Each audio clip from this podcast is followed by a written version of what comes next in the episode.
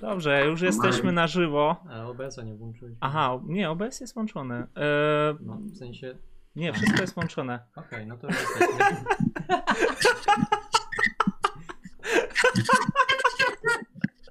My jako tradycjonaliści nie znamy się na wynalazkach współczy... Dobrze, to, współczesnych. to witamy wszystkich na, na witamy na Filozofia tak bardzo.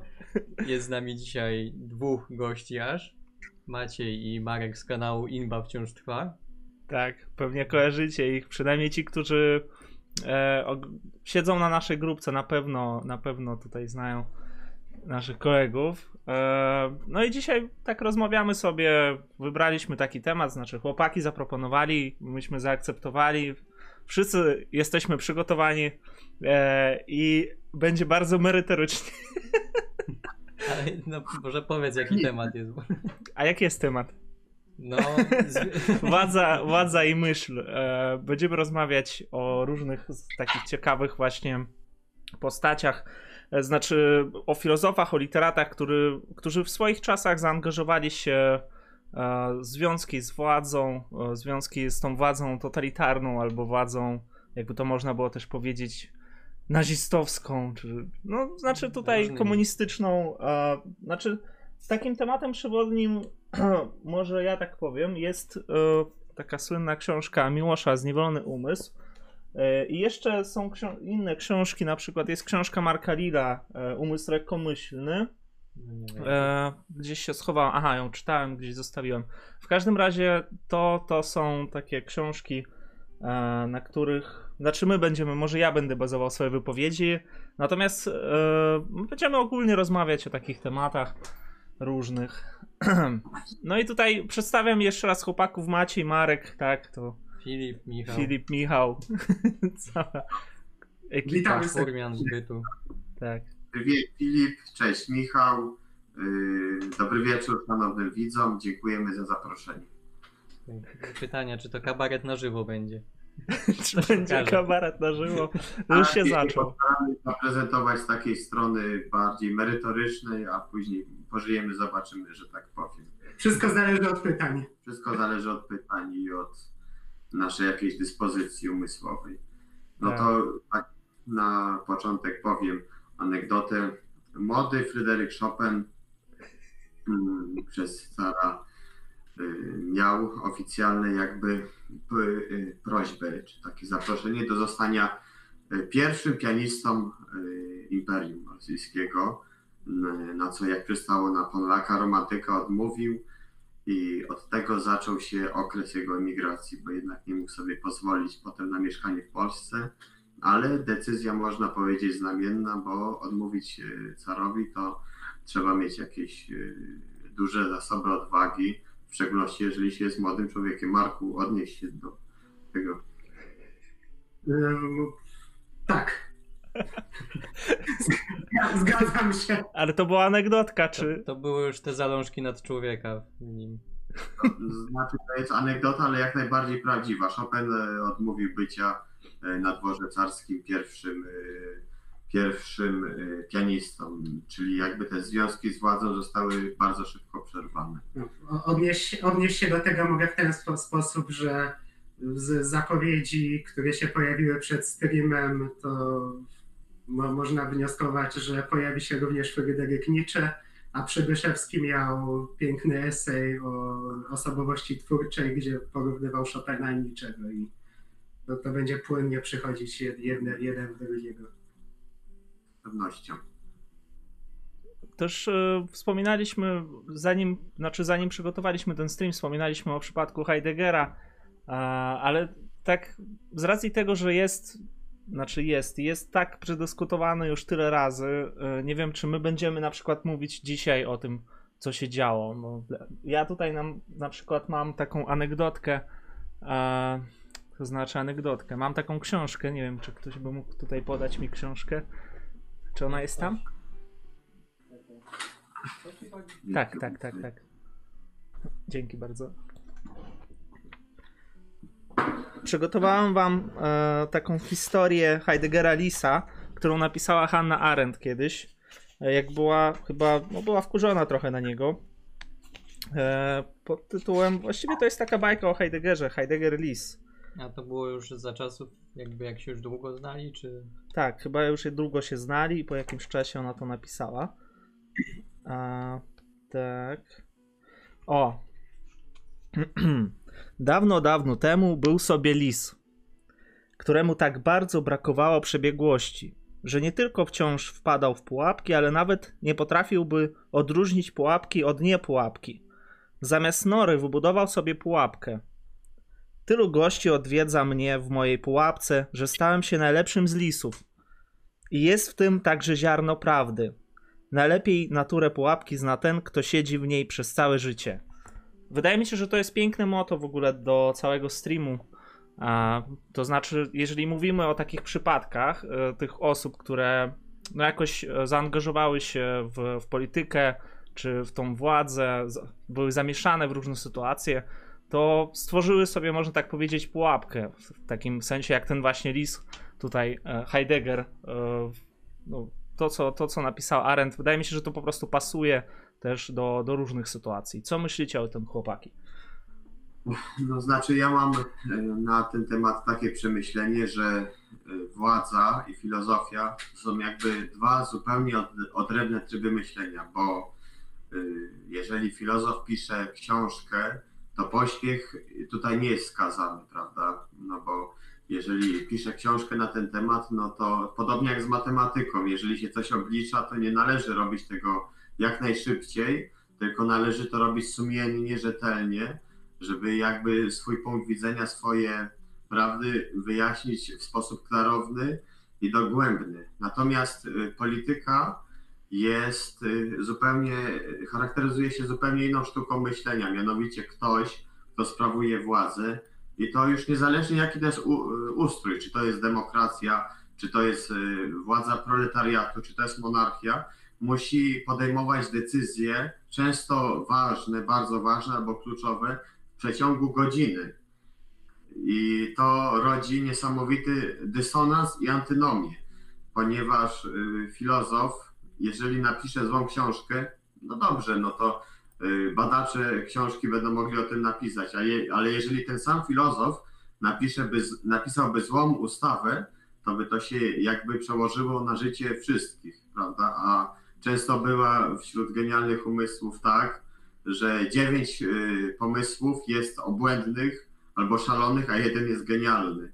I to jest jakby pierwszy rodzaj y, nieprzezwyciężonej antynomii, że y, człowiek myślący, filozof ma y, swój jakby punkt widzenia, jest on dosyć sztywny i filozof nie musi się jakby kierować dyplomacją czy wyrafinowaniem, natomiast y, według mnie sztuka dosyć parszywa i podła, dyplomacja, y, sztuka mówienia półprawdami y, we władzy, jakakolwiek by ona nie była, jest w, po prostu kluczowa. I to rodzi pierwszą jakby sprzeczność i impas, mianowicie różne szkoły, różne przyzwyczajenie w myśleniu, już abstrahując jakby od siły, jaką po, posiada dana strona, no to tu już jest pierwszy poważny problem, na który jest y, jakby tak pokuszony filozof.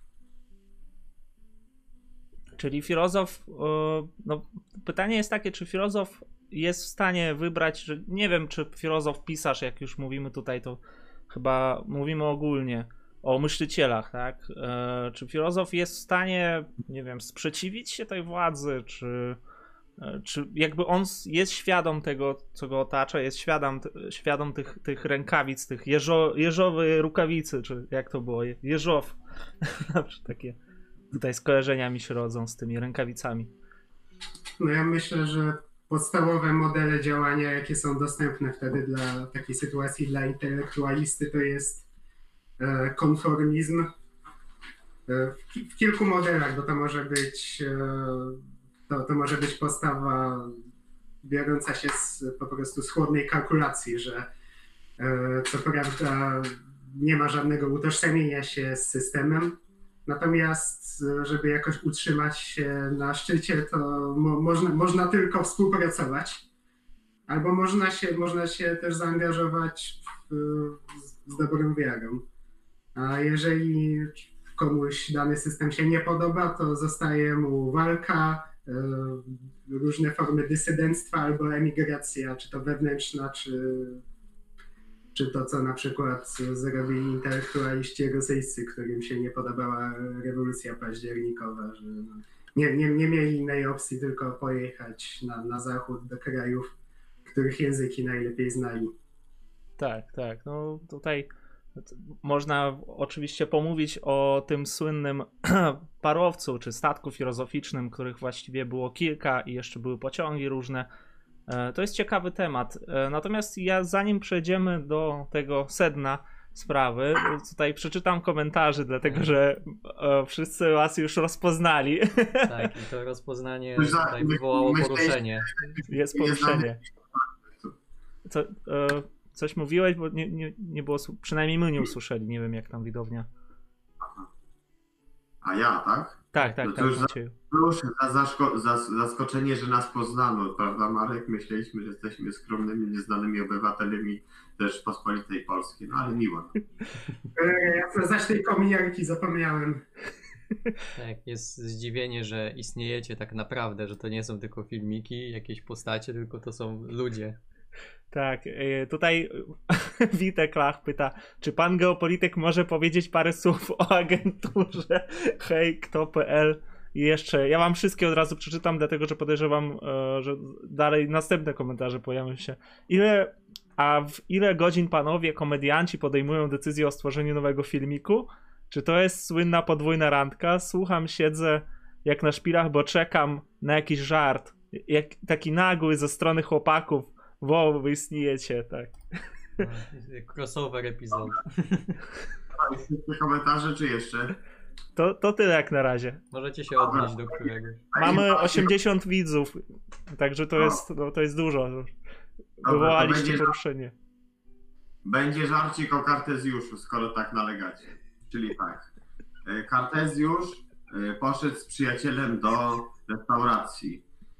Czekają na kelnera, nagle przychodzi yy, kelner, a Kartezjusz był alkoholikiem, ale wtedy całkowicie po ciężkiej walce rzucił swój nałóg. Yy, no i mówi kolega mm, do kelnera, no dla mnie kotlet schabowy i żurek.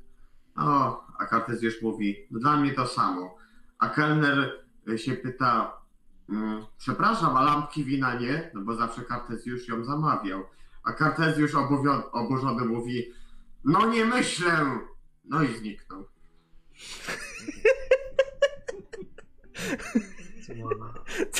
Dobra anegdotka. Ja mam do was jeszcze jedną prośbę, czy moglibyście tak ustawić kamerkę, bo mój ten gust estetyczny, żeby, żebyście byli równo po prostu w tym, w tym kadrze, bo o połowę, na początku było fajnie. E, to czekaj, to może no. trochę w moją stronę. Do przodu trochę, nie? Znaczy tak, tak, tak. No. Do tyłu. Jak teraz? Do tyłu. Jest super, tak, jest super, teraz jest super. Nie wiem, hmm. czy mamy czytać dalej komentarze, czy przechodzimy do tematu. Dobra, to jeszcze jeden komentarz i lecimy.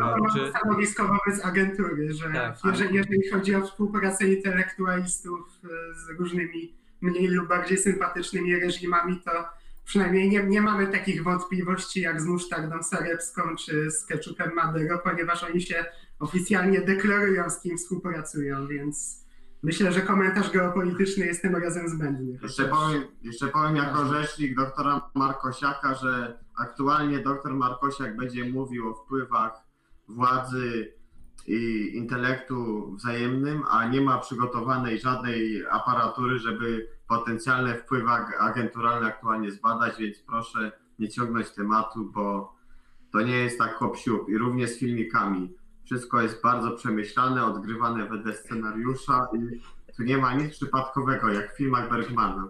A jeżeli ktoś myśli, jest to znaczy, że nie ogląda zbyt dokładnie. I proszę obejrzeć jeszcze raz dokładnie, to zobaczycie, że wszystko jest doskonale skomponowane.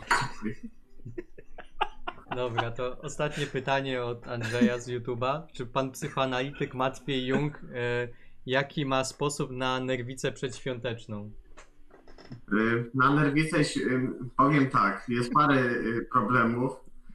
y, jest parę jakby problemów związanych z świętami, jest parę sposobów na radzenie sobie z nimi. Po pierwsze trzeba taki wznieść akt strzelisty, że tak powiem, czyli taką złotą sentencję powtarzać jak mantrę, co powoduje, że wszelkie takie świąteczne nerwice odchodzą. U mnie to jest na przykład powtarzanie notoryczne w myślach, co się będziesz głupotami przyjmował. Więc tak odpowiem. A drugi, jeżeli to nie zadziała, to trzeba y, ucieknąć do sposobów farmakologicznych, czyli wypić w szybkim tempie amarenę i wtedy się śpi kilka godzin i się ma spokój, po czym mogą przyjść do głowy jakieś pomysły, jak taką potencjalną nerwicę zwalczyć. Więc te dwa sposoby myślę, że każdemu pomogą. Bardzo. Wyczerpująca odpowiedź. Myślę, że możemy przejść do tematu. Ja myślę, że dzisiaj stream nie będzie taki prosty, szczególnie, że No, taki Może- Może... dualizm tutaj wystąpił. tak, tak. Może trzeba było inną nazwę streamu wymyślić, ale podoba mi się w ogóle. Bardzo mi się podoba to, co mówicie, chłopaki. Mamy donate'a. E, Od Ja- Jason Y Everywhere niszczy łeb Maciej 5 zł. Dziękujemy. Wspierajcie tam chłopaków, bo w Katowicach nie lekko. A, tak, i, i co? Ja chciałem coś powiedzieć. No, mamy tutaj jeszcze komentarz. Czasem mantra, czasem tantra. Okej. a Czy o mleko pytają? Znaczy, powiem, panu, powiem tak, libido i stres się wykluczają, ponieważ kortyzol, który jakby powoduje wzrost stresu, źle wpływa na potencję seksualną. Więc jeżeli pan czy pani umie sobie, no, znaczy pan umie sobie radzić tantrą na stres, to gratuluję takiego jakby rozszerzonego układu nerwowego w umyśle, w mózgu. To jest nierzadko spotykane. Gratuluję i chętnie poddam pana czy pani badaniom, bo to jest rzadki przypadek. Dziękuję. E, dobrze. Ja myślę, że z tak pozytywny początek mamy, a temat taki tak naprawdę do, jest trochę smutny. E, I no, od czego my zaczynamy? Czy wy macie e, jakiś taki początek, tak jak ja powiedziałem? Znaczy, dostałem taką odpowiedź, a później był szereg, szereg tych komentarzy różnych i żartów. E, I znów trochę się zbiłem z tropu. E, Michał, czy ty masz jakieś tutaj może uwagi, komentarze do tego wszystkiego, o czym mówimy dzisiaj? Nie, no bo ja właśnie do końca jeszcze nie wiem o czym mówimy, bo na razie tak nie, o wszystkim i o niczym. No dobra, to może tak, jeżeli mówimy myśl władza. y, Po II wojnie światowej w Polsce y, można zauważyć, że literaci jakoś tak lekko znieśli władzę stalinowską i byli w stanie wydawać y, podle y, zmienionych, podług zmienionych jakby reguł wydawniczych. Otóż z czego to się wzięło? Myślę, że z tego, że traktowali władzę stalinowską jako zło konieczne po tym, że Polska była bardzo wykrwawiona. Co piąty obywatel RP stracił życie y, w zmaganiach II wojny światowej, więc jakby ukorzyli swoją dumę, swoją jakąś wolę twórczą właśnie w tym celu, żeby z tej Polski ocalić tyle, co się da. I teraz chciałbym przeczytać wiersz Słonimskiego, Antoniego Słonimskiego, twórcę takiej bardzo awangardowej przedwojennej grupy Scamander, Mm, właśnie powojenny, powojenny wiersz, który gdyby powstał w innej epoce, nie budziłby jakby żadnych konotacji takich, jak wzbudzał y, w warunkach, jakich został za, y, napisany. Wiersz nosi nazwę Do Rosjanina odpowiedź. I mimo, że jest on y, skonstruowany ładnie, widać, że jest talent, to widać, że jest tu pewien jakby odgórny przymus, jakiś wymóg estetyczny, bo widać, że jest pisany nieco na siłę, ale jest to jakby ten socrealistyczny jakby nacisk na przyjaźń polsko-radziecką bardzo mocny. Do, Rosjanina odpowiedź. Nienawiść rosła w sercu młodym.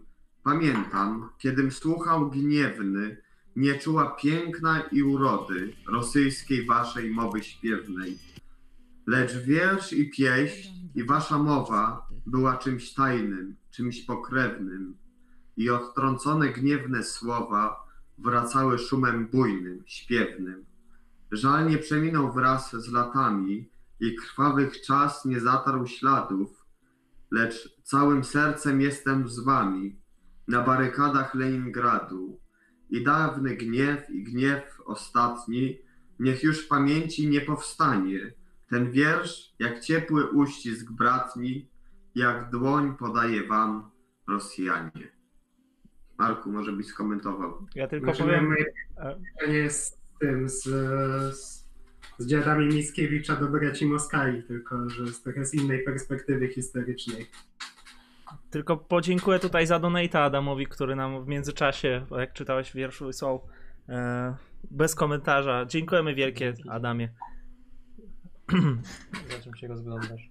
Ja chciałem, e, mam taką książkę o o Brunie, o Brunonie Jasieńskim, tam też piękne wiersze były, ale już nie, chyba nie znajdę teraz. W każdym razie tak mi się przypomniał, nie, nie, nie szukaj, to, to tam biografia jest, ja nie wiem gdzie to jest. W każdym razie a tak mi się przypomniało o tej, e, to, to, no nie wiem, znacie historię Brunona Jasińskiego, jak on się zaangażował w ogóle w komunizm, wyjechał do Rosji, później zrezygnował w ogóle ze swojej polskości i Tak. zaczął pisać tylko, już pisał tylko po rosyjsku w ogóle i, i tam no, jego talent, nie, nie szukaj Michał, to nie No ma... dobra, no mów, mów nie przerywaj, ja ci przeszkadzam. A w każdym razie, tak mi się przypomniało i skojarzyło, że on jakby swój talent sprzedał na, na rzecz tej, tej władzy, nie?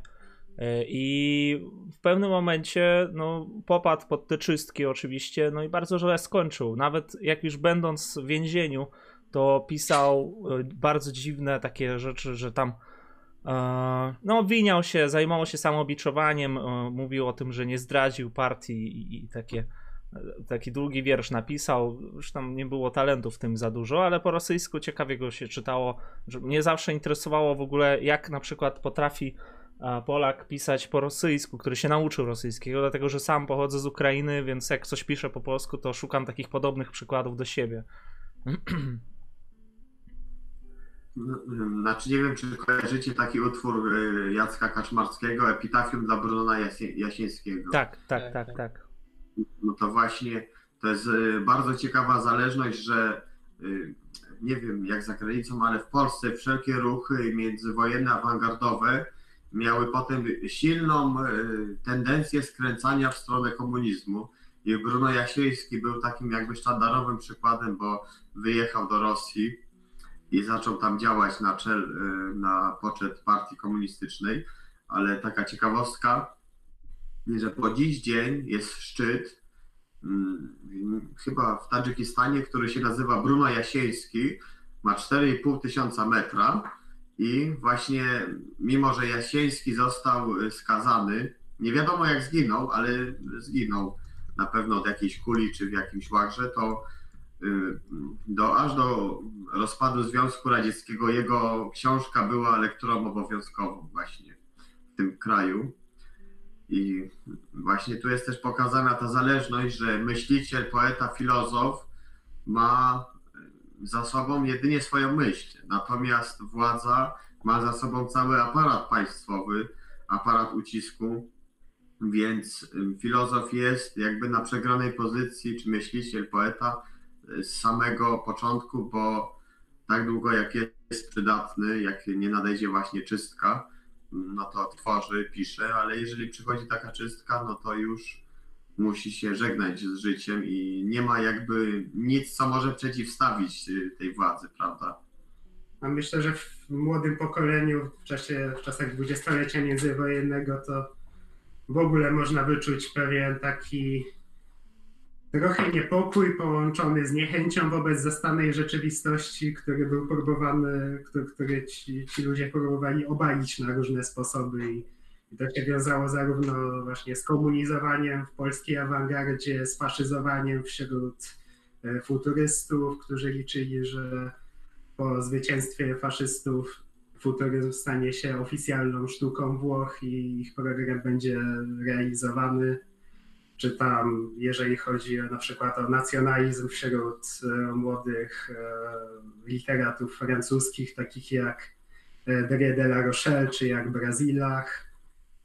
No, ba- bardzo, bardzo mi się wyryło w pamięć to, co w moim wieku Watt pisał to co mówił Miłoszowi, że jego komunizm nie brał się z tego, że on sobie szukał jakiegoś światopoglądu i jak porównał wszystkie dostępne, to uznał, że komunizm jest najlepszy tylko z tego, że właśnie czuł jakąś nieokreśloną niechęć wobec tego, co go otacza.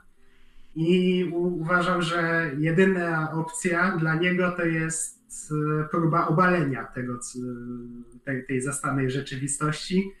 No, że komunizm wydawał się być e, dość dostępnym i łatwym środkiem, no to postawił na komunizm.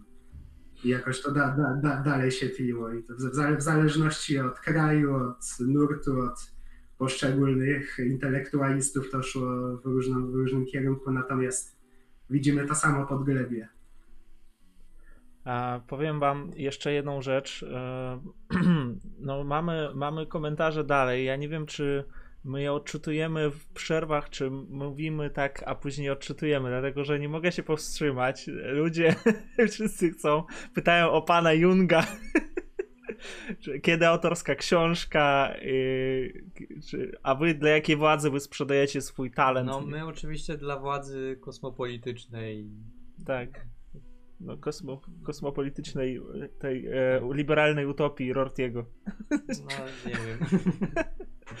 A piszą tutaj coś o immunologii, na żywo oglądać. E, jaki jest najlepszy mleczny napój dla filozofa? I jeszcze ktoś tam pisał o Karlu Schmidcie, że to jest fajna, fajna historia o Karlu. No to jest tak wszystko tutaj mieszane, już robimy koktajl tematów. Fajnie, że Schmidt się pojawił, bo nie, nie, mieliśmy w planie o tym napomknąć, o nim napomknąć i jeszcze tam o paru innych akcentach z trzeciej Rzeszy, ale to to, to, to, to, się samo wykluje, no podejrzewam. mleczny napój dla filozofa najlepszy. No to zależy, jaki nurt filozofii reprezentuje, prawda? Y, mam w planie nakręcić y, program kulinarny raczej dla kobiet i to będzie napój mleczny raczej dla hedonistów, a na kanał powinien niedługo wlecieć kanał, y, film, przepraszam, dla ludzi, którzy tęsknią za dzieciństwem i chcieliby za pomocą napoju mlecznego sobie go mm, przypomnieć. Powiem tyle, że mało tego, że przypomniecie sobie dzieciństwo, to możecie sobie pewne poważne skorzenia psychiczne wyleczyć za pomocą tego napoju, więc zachęcam. A odnośnie autorskiej książki, to mogę powiedzieć, książka to nie jest hop Nic nie mówię, nie mówię tak, nie mówię nie. Kiedy będzie, to się dowiecie dowiecie się w swoim czasie, ale dziękuję za zainteresowanie i pozdrawiam serdecznie osobę pytającą. Dla, dla nihilistów to chyba najlepsze będzie zsiadłe, zsiadłe mleko. Tak myślę. Albo kefir. Albo masło. Albo wybielacz. Wybieracz to do Stanów z wybielaczem.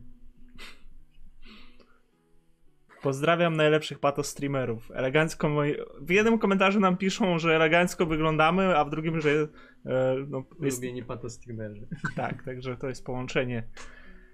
Eleganccy pato streamerzy to jest połączenie doskonałe. Tak, dobra, wracamy do, do tematu. Karol Schmidt. Znaczy Karol Schmidt. E, jak już tak coś tam zaczęliśmy, za, e, Marek, Marku, wspomniałeś coś o Karol Schmidcie, no znaczy, ja tą historię znam pobieżnie, tyle, tyle ile przeczytałem ostatnio. No, wychodzi na to, że związek tutaj. W ogóle mnie zdziwiło to, że jest coś takiego jak lewica, e, która inspirowana była Karolem Schmidtem, który miał poglądy, no powiedzielibyśmy, nie wiem, konserwatywne w jakimś sensie. E, z drugiej strony jest prawica, która tak samo jest inspirowana Karolem Schmidtem. E, dlatego że widzi w nim, no oczywiście, swojego orędownika. Lewica natomiast widzi e, fajną krytykę liberalizmu u Karola, u Karola Schmidta, e, no i dziwne połączenie. Sam Karol Schmidt oczywiście podobnie do Heideggera nie wyrzekł się nigdy swoich poglądów, to znaczy nie przepraszał jakoś za bardzo.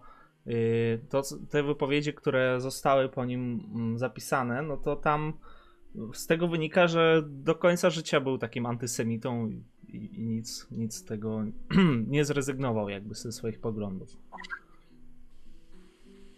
No ja myślę, że jak już mówimy o Szmicie, to w ogóle można by poruszyć, może można by okrężną drogą wrócić do naszego głównego tematu, czyli właśnie jak e, intelektualista może się zachować e, wobec władzy. I to ogólnie, jeżeli chodzi o myślicieli, którzy co prawda wywodzą się spoza jakiegoś nurtu, ale wiążą z nim jakieś nadzieje, że my, wydaje im się, że będą mogli, e, używając terminologii ko- korwinistycznej, przesiąknąć swoimi ideami właśnie ten ob, obcy nurt i doprowadzić do tego, że on się jakoś zmieni. No i właśnie na przykładzie III Rzeszy raczej możemy negatywnie zweryfikować to stwierdzenie. Właśnie po, po pierwsze na przykładzie Schmidta, który miał nadzieję, że stanie się głównym prawnikiem III Rzeszy, a poszedł w odstawkę już właściwie w pierwszych latach.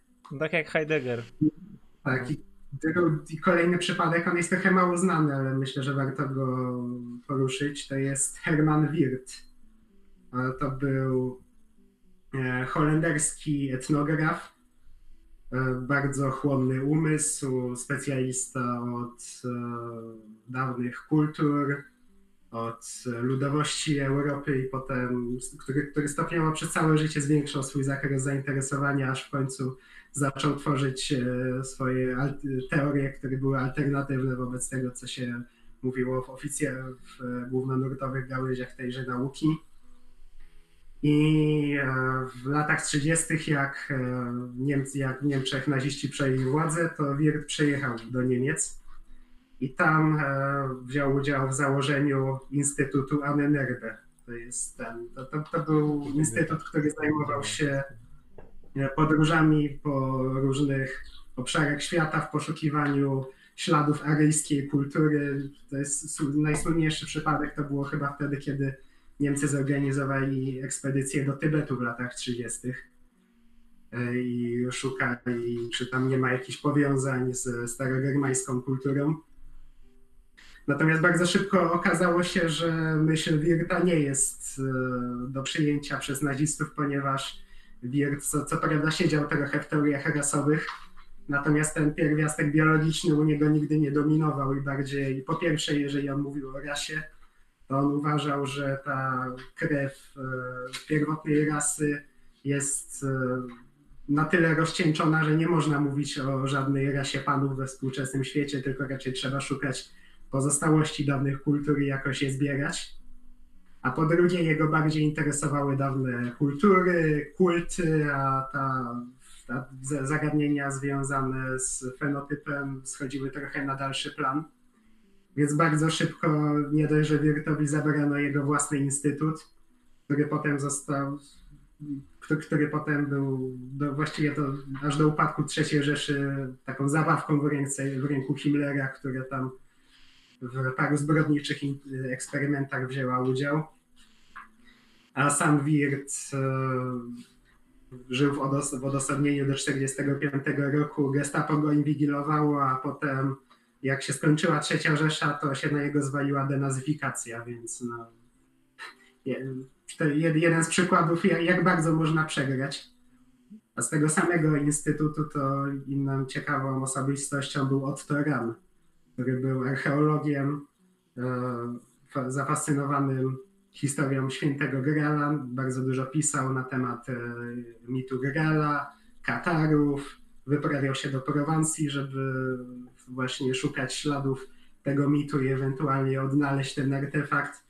I dla niego to się skończyło jeszcze gorzej, ponieważ przed, jeszcze przed wojną zaginął w niewyjaśnionych okolicznościach. Nie, nie, teraz nie pamiętam, czy zaginął, czy zginął, Natomiast no, już jak jak się wojna zaczynała, to już go nie było wśród żywych. Więc mniej, mniej więcej, mniej więcej tak, to, tak to wyglądało, jeżeli ktoś próbował wejść do ruchu nazistowskiego, jednocześnie zachowując jakiś własny światopogląd i próbując oddziaływać. Brzmi jak gotowa fabuła do nowego Assassin's Creed'a. Protagonista już jest. No dobra, to nie wiem, może przeczytamy te komentarze, które jakoś się odnoszą do tego, co mówiłeś. I które się nie odnoszą też. Jeszcze coś o trzeciej rzeczy, ale to komentarze najpierw. Mo- może najpierw te istotniejsze. Zacznijmy od tego. Dobrze. E, E, no, od Tomasza mamy tak, że nawet nie chodzi o sam antysemityzm Schmidta, ale pewnie o to, że chciał zobaczyć decyzjonizm w praktyce. Nie wiem, czy chcecie to jakoś może skomentować tutaj. Mm, Znaczy ja bym zaryzykował stwierdzenie, że ten antysemityzm to nigdy nie był jakimś decydującym składnikiem myśli Schmidta, że znaczy by był, je- jeżeli, jeżeli chodzi o to, że u kogoś antysemityzm prowokował współpracę z nazizmem, no to mamy z, z Francji przykład Selina, y, pisarza francuskiego, który y, współ- współpracował z rządem Vichy.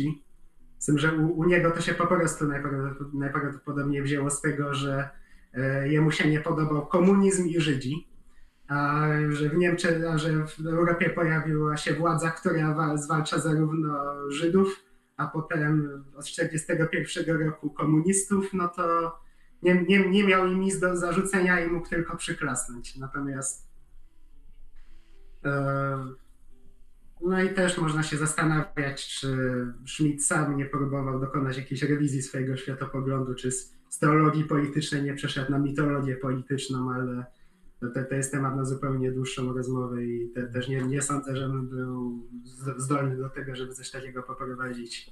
Nie, nie, my tylko jakby my tutaj zastanawiamy się pomiędzy relacją. No.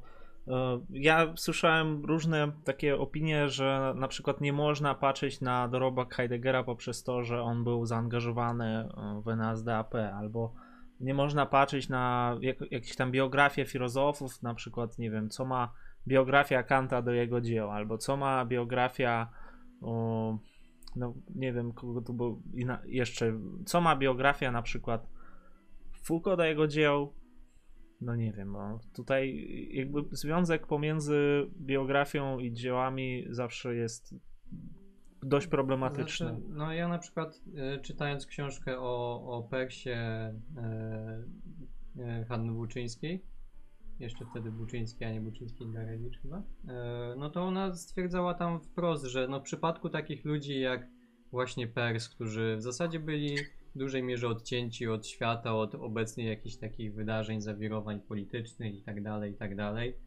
to tam faktycznie może ten ich żywot, jakby ta aktualna sytuacja nie miała aż tak dużego wpływu na, na tą filozofię, ale są tacy filozofowie, którzy są mocno uwikłani w swoje czasy i to faktycznie później gdzieś w tej filozofii jednak rezonuje, więc no, wydaje mi się, że nie można stwierdzić jednoznacznie, że tak, nie, tylko no właśnie to zależy od już konkretnych przypadków, które rozpatrujemy. No, tak. E, jeszcze tak z komentarzami, co? Mamy jakieś komentarze takie, które jeszcze odnoszą się do sedna, czy tam wcześniej no, jakieś były? Nie. No, jeszcze ten, e, mm, że z drugiej strony na przykład Junger cenzurował listy w Paryżu. Z punktu widzenia człowieka dobrej woli może lepiej, żeby to robił ktoś z ludzkim podejściem niż aparatczyk. Czy filozof może coś uratować? I jeszcze druga część komentarza, bo teraz oceniamy z perspektywy upadku reżimów, ale sami zainteresowani pewnie inaczej to widzieli. Mm, No to tak jak Hegel napisał, sowa Minerwy wylatuje o świcie, prawda? Znaczy to wr- wracamy do tego, co już było powiedziane na początku, czyli jeżeli do władzy podchodzimy negatywnie, no to zostaje nam walka, e, emigracja, to, to zostaje nam walka albo emigracja wewnętrzna i ucieczka z danego obszaru. No, Ju- Junger uznał, że jednak emigracja wewnętrzna i e, w ogóle, jeżeli mówimy tutaj o dysydenctwie, to można by jeszcze poruszyć temat e, innego kraju, czyli Związku Sowieckiego i Sołżenicyna, który e, jednak postawił na bycie dysydentem. Konsekwentnie się tego trzymał.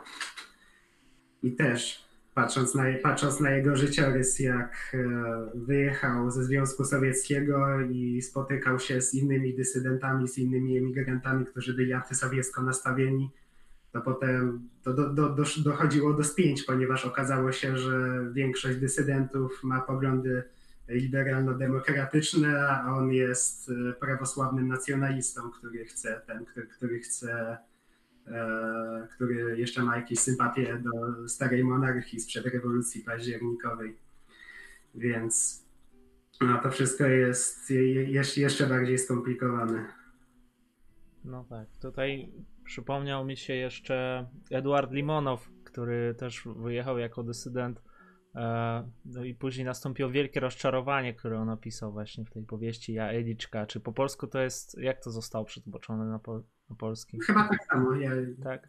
no, No, i, I tam nastąpiło jakieś, jakaś w ogóle zmiana, gdzie on się rozczarował Ameryką, tymi wartościami, e, to nie wiem, liberalno-demokratycznymi, tak by to można było nazwać.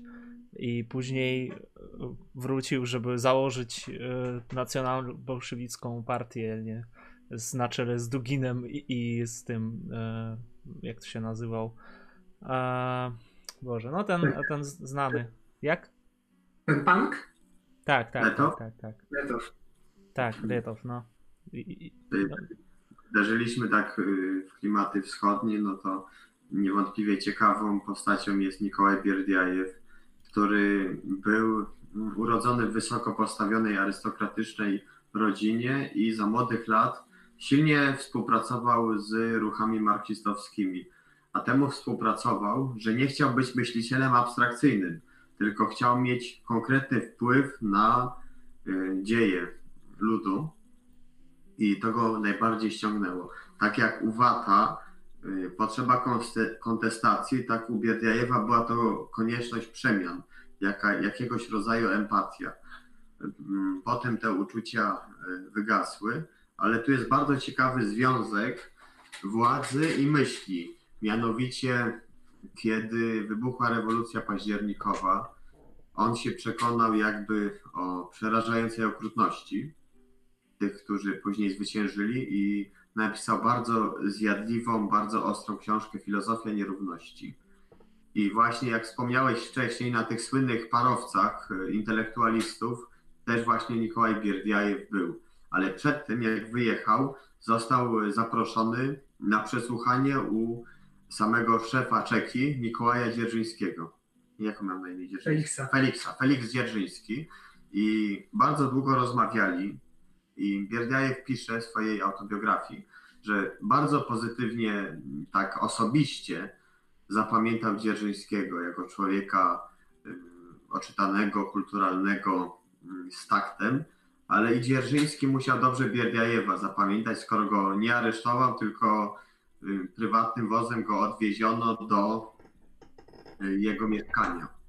I później on y, popłynął statkiem w Niemczech, gdzie został bardzo mm, przyjacielsko przyjęty. Wyemigrował do Francji. Wybuchła II wojna światowa.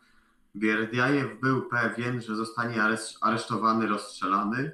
Y, Przez y, całą wojnę nie został nawet wezwany na przesłuchanie. Jak się później okazało, w, po skończeniu wojny, ktoś, nie wymienił kto, bardzo wysoko postawiony urzędnik y, III Rzeszy, y, miał wielkie poważanie, wielki szacunek dla dorobku y, filozoficznego Bierdiajewa i taką otoczył wokół niego cichą protekcję. I to jest ciekawy związek właśnie myśli i władzy, bo tutaj nie było bezpośredniego kontaktu w tym drugim przypadku III Rzeszy, ale jednak ta myśl jakby mm, Bierdiajewa uchroniła przed potencjalnym rozstrzelaniem czy aresztowaniem y, za, za czasów rządów Vichy y, w y, w Nie, Rzeszy. chyba ten, chyba, ten Bierdiajew był, on chyba w Paryżu miesz, mieszkał, czy on, czy, czy gdzieś Znaczy on, on niedaleko Paryża mieszkał całą wojnę. A, tak, to- on na jakiś tam wykupił sobie chyba dom, tak?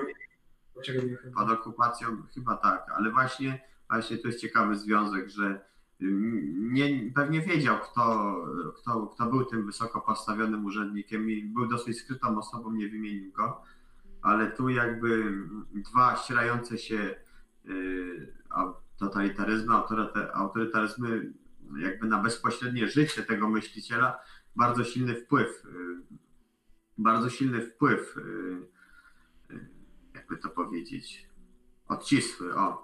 I, I właśnie, co ciekawe, mimo że był bardzo niezależny, był człowiekiem e, o bardzo silnym, jakby takim konfrontacyjnym nastawieniu, mimo że jego filozofia była raczej nastawiona na wyjście ku drugiemu, to jednak e, oba systemy i przedstawiciele tego systemu wysoko postawione, e, wysoko postawione osoby, jak Dzierżyński, ten nieznany, wysoko postawiony urzędnik, charakteryzował się uznaniem dla tej osoby, więc to jakby takie trochę odwrócenie tego, co się zazwyczaj dzieje, bo zazwyczaj mm, władza stara się albo uciszyć, jak w tych przykładach, które Marek wymienił, albo po prostu jak w tym, co Filip, ty powiedziałeś, y, wyeliminować fizycznie tę postać, a tu mamy natomiast rewers tego, że władza chroni tę osobę, mimo że ta osoba z nimi nie współpracuje. Więc to też jest ciekawy jakby związek władzy y, i filozofii. Może nie pasuje do tematu streamu, bo to był, Wszystko że tak pasuje, powiem, pasuje. ale myślę, że to jest też warte zauważenia, że mm, czasami taka odwaga intelektualna, pis, pisanie rzeczy niepopularnych w danym czasie też może uratować to życie, prawda? In, Inba bawi i uczy. Kochani, angażujcie się tylko w bezpieczne związki z władzą. A, Pojawiło się też e, kilka komentarzy, no różnych. No, nie wiem, po kolei będziemy czytać, czy jak No to? może na razie te takie przeskoczymy do tych luźniejszych teraz. Dobra, dobra. No, zapytali nas, czy, czy panowie jesteście antysemitami. Nie, nie jesteśmy. Tam gdzieś my nie. Nie, nie mogę być antysemitą, studiuję kabałę. A czy ja jestem antysemitą? No, nie tak, nie mogę powiedzieć, żebym był, no. Powiem tak, Żydzi jak każdy inny naród, no. Ale o, jak byłem w Izraelu, to miałem żal do Żydów, ale to raczej z takich osobistych jakby pobudek, bo y, moja rodzina była zaangażowana mm, w ocalanie Żydów w Holokauście i po prostu jak y, słyszałem od Żyda, że większość Polaków była zaangażowana w eksterminację Żydów, to mnie ręka świeżbiła. Ale żebym powiedział tak, żebym był antysemitą, no to to jest za dużo powiedziane, ale to na pewno mnie zabolało taka wypowiedź. Szczególnie, że to było bezpośrednio od Żyda, ale no, daleko posunięte jakby słowo, w szczególności, że mam przyjaciela Żyda, jednego, drugiego, przyjeżdżają do nas Żydzi, więc nie mogę powiedzieć, żebym był antysemitą. No, No. Oczywiście trzeba by też odróżniać antysemityzm od antysyjonizmu, bo tu też już te rozróżnienie zaczyna się pojawiać często w przypadku właśnie Izraela chociażby. Ten Iz- Izrael to jest takie no, dwuznaczne jednak, dwuznaczne państwo. Ale to zostawmy może. No, zostawmy ten temat może. A jeszcze po prostu mamy jeszcze inne komentarze, a tutaj moglibyśmy w tym ugrząznąć e, tak naprawdę.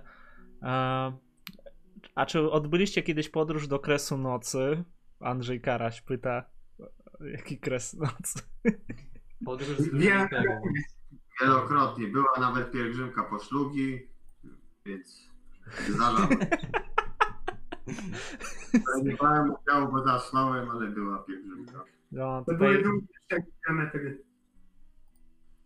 a, było jeszcze pytanie tam, czy- o Pawła Florenckiego i jeszcze o Igora Trubieckoja chyba. Czy, nie, Igor Torbicki też źle przeczytałem.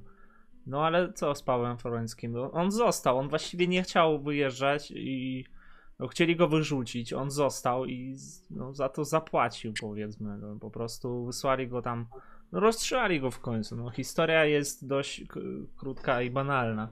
E, No, Floriański, z tego co kojarzę, to, to był kolejny przykład e, rosyjskiego inteligenta, który zaczynał jako człowiek, który ma, posiada światopogląd bardzo materialistyczny, e, scjentystyczny, a potem przechodzi na, na, na pozycje religijne. No, ten Kronos parę lat temu miał e, jeden tom poświęcony między innymi Floreńskiemu. Tam bar- bardzo ciekawe teksty są wydrukowane. No to myśl, myśl, myślę, że współcześnie trochę niedoceniana osoba, natomiast warta tego docenienia bez tego, be- bez, bez, bez wątpienia, chociażby ze względu na to, co on, jak, jaką on wiedzę posiadał na temat historii religii, na temat kultury greckiej, wo, wo, wo, wobec której to po prostu mógł się swobodnie wypowiadać, chociaż z, z, tego, z tego co kojarzę, to posiadał zupełnie inne wykształcenie. No, naprawdę. Tak, tak, on prowadził. On chyba też miał, z nim też jest związana anegdota mm, powiązana z jakimś sowieckim dygnitarzem. Teraz nie, nie, nie jestem pewien, czy to chodzi o Dzierżyńskiego, czy o Trockiego, że właśnie jak e, bolszewik wizytował jakieś zakłady chemiczne, Mhm. To w środku zastał jednego pracownika ubranego w e, ten w strój prawosławnego mnicha, który to był właśnie ojciec Paweł Floreński. I miał do niego jakieś wyrzuty, że tutaj, ten, że my, my, tutaj budujemy państwo ateistyczne, a tutaj, ten, a, a tutaj najbardziej e, w sektorze tego państwa, które teoretycznie powinno być najbardziej wolne od przesądów, to tutaj się pojawiają tacy ludzie. Ale ten, ale Floreński właśnie, Floreńskiemu się udało go przegadać. No. No, z Florenckim jest chyba wiele takich historii. Mało tego, że on wchodził e, w tych ubraniach, to jeszcze przed tym, jak go rozstrzelali, on jakieś badania naukowe prowadził. I no, to było w ogóle absu- absurdalne, bo on, on się Był przy... chemikiem. Proszę? Tak, mi chyba. E, On był bodajże chemikiem, z tego Tak, co kojarzę. tak, tak, tak. No i mu tutaj jakby przyczyniał się do rozwoju właśnie nauki w Związku Radzieckim, a tutaj go tak nagle. A ciekawą właśnie Związku Radzieckiego postacią jest też Sergiusz Jesienin, który jako młody bardzo chłopiec, jeszcze dziecko, recytował swoje wiersze caro, carowej, jak się, Nie wiem, czy no prawda, przed y, caratem. I po, jak się żona cesa- cara nazywa?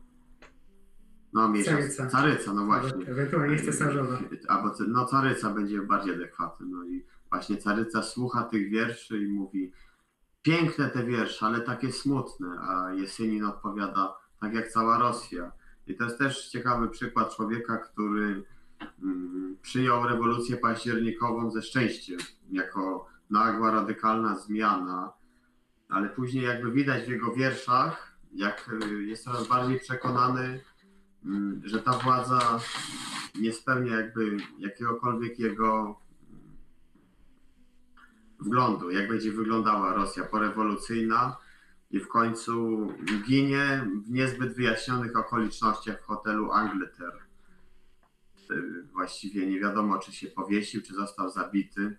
No, W każdym razie, w każdym razie jest postacią zagadkową, ale to jest jakby kolejny przykład takiej brutalnej konfrontacji umysłu, który wierzy w przemianę, który wierzy w to, że narodzi się coś piękniejszego, mniej krwawego, bardziej sprawiedliwego i potem się jakby musi zmierzyć z brutalną rzeczywistością i zapłacić czy z własnej ręki, czy z cudzej najwyższą cenę.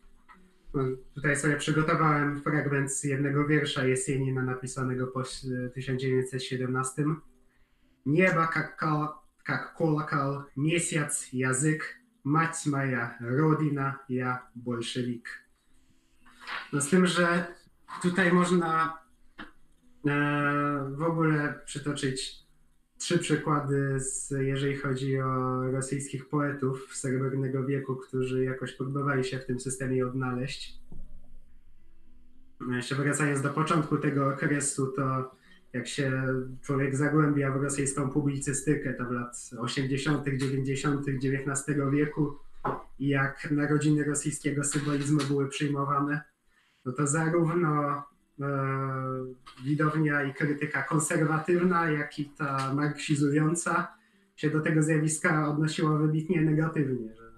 Ze, ze, z prawej strony e, ten, to zjawisko było postrzegane właśnie jako grupa ludzi, którzy wzgardzili ideał, ideałami państwa rosyjskiego i nie chcą pracować na jego dobro, tylko zajmują się jakimiś gł- głupotami, a ze strony krytyki marksistowskiej z kolei oni by, byli po- potraktowani podo, podobnie, czyli że oni, czyli że odrzucają właśnie wszystkie, odrzucają dydaktyczną funkcję poezji, nie chcą ulepszać czytelnika, tylko piszą o jakichś tam mistycznych głupotach, które nie dość, że człowieka nie ubogacają, to jeszcze nie istnieją. I sko- jeżeli jeszcze chodzi o rewolucję lutową, to rosyjska inteligencja raczej ją przyjęła z umiarkowanym optymizmem. Bo może poza drobnymi wyjątkami, jak Bunin, który ża- żadnej z rosyjskich rewolucji nie poważał, y, lu- lutowej nie szanował, a październikowej w ogóle nienawidził. I pisarzy też nie uważał się za najlepszego w ogóle. To jest. Masz wierszy zebranych, Herberta. E, to mam u siebie na stole. Dobra, dobra. No, w, natomiast i na, natomiast rewolucja październikowa z kolei już była potraktowana bardziej pesymistycznie. E, właściwie to była trafna diagnoza, ponieważ to był krwawy koniec Srebrnego wieku i ci poeci, którzy przeżyli, to potem już im się zupełnie po, poprzewracało, jeżeli chodzi o ich twórczość zupełnie inaczej wyglądała na emigracji, czy tam w- biedzie w Związku jeszcze nie w Związku Sowieckim, tam e, pod, pod władzą sowiecką. Natomiast e, z bolszewikami sympatyzował przynajmniej na początku Jesienin, e, Klujew i do systemu pró- próbował przystąpić Briusow, który tam pełnił funkcje w jakichś instytucjach, w pewnych instytucjach kultur, kulturowych. E, Jeżeli chodzi o Borysowa, to jest trochę złożony problem, bo w ogóle to był chyba najbardziej zagadkowy z, poetów Srebrnego wieku. E, Natomiast jeżeli chodzi o Jesienina i Klujewa, to ich sympatia do bolszewików brała się z tego, że oni bardzo twardo stali na gruncie rosyjskiej ziemi, rosyjskiego ludu, rosyjskiej tradycji, tej o wiele starszej niż samo Imperium Rosyjskie. Mhm. I oni liczyli na to, że właśnie przyjdą bolszewicy, oni obalą e, zniemczone państwo, które zostało zbudowane przez Piotra Wielkiego i tutaj przywrócą ideały rosyjskiego ludu. No i właśnie, właśnie z tej perspektywy jest Jenin i Klujew.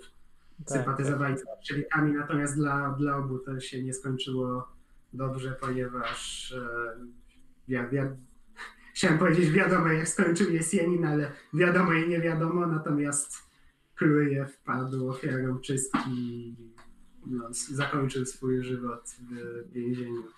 Jakby to, co Marku mówisz, no to jest jakby ogląd pierwotny. Nikt nie wiedział, co się wykluje, jak się wykluje. Była jakby reakcja y, taka szczera, a ta szczerość polegała na tym, że proces historyczny się, dział się teraz. Nikt nie mógł jakby przewidzieć, co się stało i y, co się stanie, jak się stanie. Natomiast w Polsce y, okres stalinowski przebiegał nieco inaczej, bo y, po pierwsze, wschodnia część Polski miała bardzo dobre przeczucie, co to jest, y, co będzie jakby rządy stalinowskie w Polsce, z tego powodu, że zaznali tego za czasów okupacji. I drugi powód był taki, że y, jakieś informacje przechodziły, prawda, ze strony sowieckiej, operacja z 1938 roku. I tu mm, zachodzi ciekawa zależność poetów polskich, którzy byli w większości, którzy, tak jak mówiłem wcześniej, wybrali okupację sowiecką. Jakby nie, będzie, nie będziemy się sprzeciwiać, wybierzemy to jako mniejsze zło, żeby ocalić to, co się da ocalić, jakby z głosem powiedzmy Zbigniewa Herberta, który powiedział stanowczy nie, a powiedział to temu, jako że lata okupacji spędził w rodzinnym mieście Lwowie, na to wpłynęły dwa czynniki. Po pierwsze, był bardzo młodym człowiekiem, bo kiedy wojna wybuchła, miał 15 lat, a wtedy wiadomo, że człowiek wszystko mocniej odczuwa. A drugi powód był taki, że widział jakby jak ta machina propagandowa jest konstruowana i na jakich zasadach się toczy, na takich powiedzmy sobie, no niewysublimowanych eufemistycznie. I dużo wierszy temu poświęcił, y, takich krytycznych, bardzo zajadłych w odniesieniu do y, poetów, którzy jakby poszli na rękę władzom. No bo jakby nie patrzeć, poezja, rzecz wysublimowana, wymagająca intelektu, fantazji, jest pewnego rodzaju mm, stemplem, który jakby szerokiej publiczności potwierdza, ta władza jest dobra, prawda? I tu jest właśnie wiersz, który dosyć dosadnie mówi o tym, czemu takie podejście kompromisu jest złe, zamiast wybrania właśnie milczenia, wygnania. Ornamentatorzy. Pochwaleni niech będą ornamentatorzy, ozdabiacze i sztukatorzy, twórcy aniołków fruwających. I ci także, którzy robią wstążki, a na wstążkach napisy krzepiące, pod wstążkami wiatr od wielkich rzek, a także skrzypkowi fleciści, którzy dbają, aby ton był czysty. Oni strzegą Ari Bacha na strunie G. No i ma się rozumieć poeci, bowiem stają w obronie dzieci, mówiąc uśmiech, dłonie i oczy. Oni mają rację, nie jest sprawą sztuki, prawdy szukać. To są rzeczy nauki. Sztukatorzy czuwają nad ciepłem serca, żeby była nad bramą mozaika, gołąb, gałąź albo słońce w kwiatach. Ktoś za bramą ciągnie symbole za sznurek. Są już takie słowa, kolory i rymy, co się śmieją i płaczą jak żywe. Sztukatorzy przechowują te słowa. Że się pędzi przy tym ciemne młyny, my się o to sztukatorzy nie martwimy. My jesteśmy partią życia i radości. Na ulicy radosnych pochodów szary mur więzienny w oczy kłuje brzydka plama w krajobrazie idealnym. Sztukatorów co najlepszych wezwali. Całą noc sztukatorzy malowali nawet plecy tych, co siedzą z tamtej strony na różowo. Herbert w tym utworze jakby oczywiście widać wielowarstwową ironię, ale też widać jakby dosyć mocne nawiązanie do okresu socrealizmu, prawda? Bramy, tak mozaika, gołą gałość, słońce w kwiatach, czyli jakby wiersz, który mówi o tym, że y, poezja, w ogóle sztuka ma być jakby uproszczona do funkcji propagandowej i dydaktycznej, a jednocześnie widać tu silne oburzenie, wręcz nienawiść do twórców, którzy mimo wybitnego talentu i intelektu mm, wybrali właśnie taką drogę, czyli bycia y, elementem propagandy. Dali się uwikłać w politykę i ponieśli jakąś stratę na honorze czy na zwykłej ludzkiej przyzwoitości, że, że, że się zgodzili na kompromis wobec władzy, która z wrogami okrutnie się rozprawiała. No, ciekawy, ciekawy przykład. Tak, jeżeli, tak nie wiem, możemy mówić o, o tym, co się dzieje dzisiaj. Wydaje mi się, że E, jak już mówimy cały czas o tej Rosji, to e, Boże, o papierosy tutaj pytają. Jakie... Jakie papierosy dla filozofów? No to wy odpowiedzcie, wy jesteście filozofowie. My filologowie. Nie chcę reklamować żadnych. Zależy czy filozof na stypendium, czy bez stypendium. Bo jak bez, no to trzeba kręcić samemu chyba. Tak. Albo fajkę. Lepiej w ogóle nie palić. tak, tak. A jeszcze jedna rzecz. E, dzisiaj w ogóle e, dzisiaj, dzisiaj dowiedziałem się, nie wiem czy tam widzieliście, co się dzieje w Rosji z Nawalnym. E, no, facet generalnie pokazał, poka no, zatruli go, tak? I on nagrał filmik teraz jakoś tydzień temu o tym, jak, jak to wszystko wyglądało w ogóle. Pokazał tych ludzi, którzy go zatruli i tak dalej. I jakoś parę godzin temu, nie wiem, wgrali e, na YouTube historię, jak on zaczął dzwonić do swoich, e, no można tak powiedzieć, niedoszłych zabójców. Tak, niedoszłych zabójców i oni i zaczął ich wkręcać, że jest jakimś tam, e, że jest kimś z władzy, jest jakimś naczelnikiem tam, czy kimś jeszcze. I jeden się przyznał faktycznie, że on brał w tym udział że jakby ofiara e, dzwoni do swojego do oprawcy. oprawcy i oprawca mu się przyznaje, ale on udaje, udaje, że, że jest kimś tam od Putina. E, no i historia jest taka, że teraz, no patrzcie, mamy w Rosji dużo intelektualistów, którzy popierają Putina. Czy to nie przypomina wam e, właściwie te czasy, może, może nie wiem, czy to, to jest chyba zbyt brutalne porównanie, no ale czasy Związku Radzieckiego, lat, nie wiem, 50., 60., tam gdzie były te procesy nad pisarzami, tam Siniejewem i tam jeszcze tym drugim, nie pamiętam jak on się nazywał. E, tam, gdzie właśnie no, pojawiali się tacy dysydenci. Przecież dzisiaj też są dysydenci niektórzy, no. Na przykład Nawalny jest takim dysydentem, którego można tak powiedzieć wyrzucili go. On teraz, on niby chce wrócić, ale nie wraca. Albo nie wiem, są biznesmeni, którzy wyjechali po tym, jak Putin przyszedł do władzy i on tam ich też zaczął prześladować, tak. Znaczy, tak y, parę słów o Nawalnym.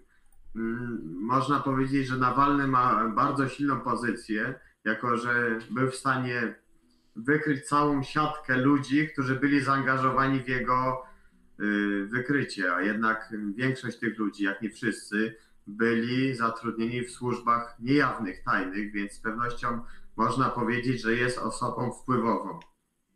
No tak, tak. To okazało się, ta- że ta trucizna w ogóle na majtkach u niego była, a nie na butelce, jak myśleli. I to jest ostatnia wi- szybka wiadomość w ogóle. nie wiem, jak oni się dostali do tych majtek, no ale taka historia. To A, właśnie, no, to właśnie y, to jest kolejny jakby, to już było dzisiaj zauważone, że w przypadku kogoś, kto kolaborował z trzecią Rzeszą, czy ktoś, kto wyjechał do Związku Radzieckiego z Polski i został tam rozstrzelany, to z dzisiejszej perspektywy łatwo powiedzieć, prawda? Bo historia się zakończyła, sowa wróciła, a natomiast teraz wszystko się kuje, więc y, trudno powiedzieć coś, co by było trafne bo no, nie wiemy, jak się historia dalej potoczy. No, czy nawiązanie do.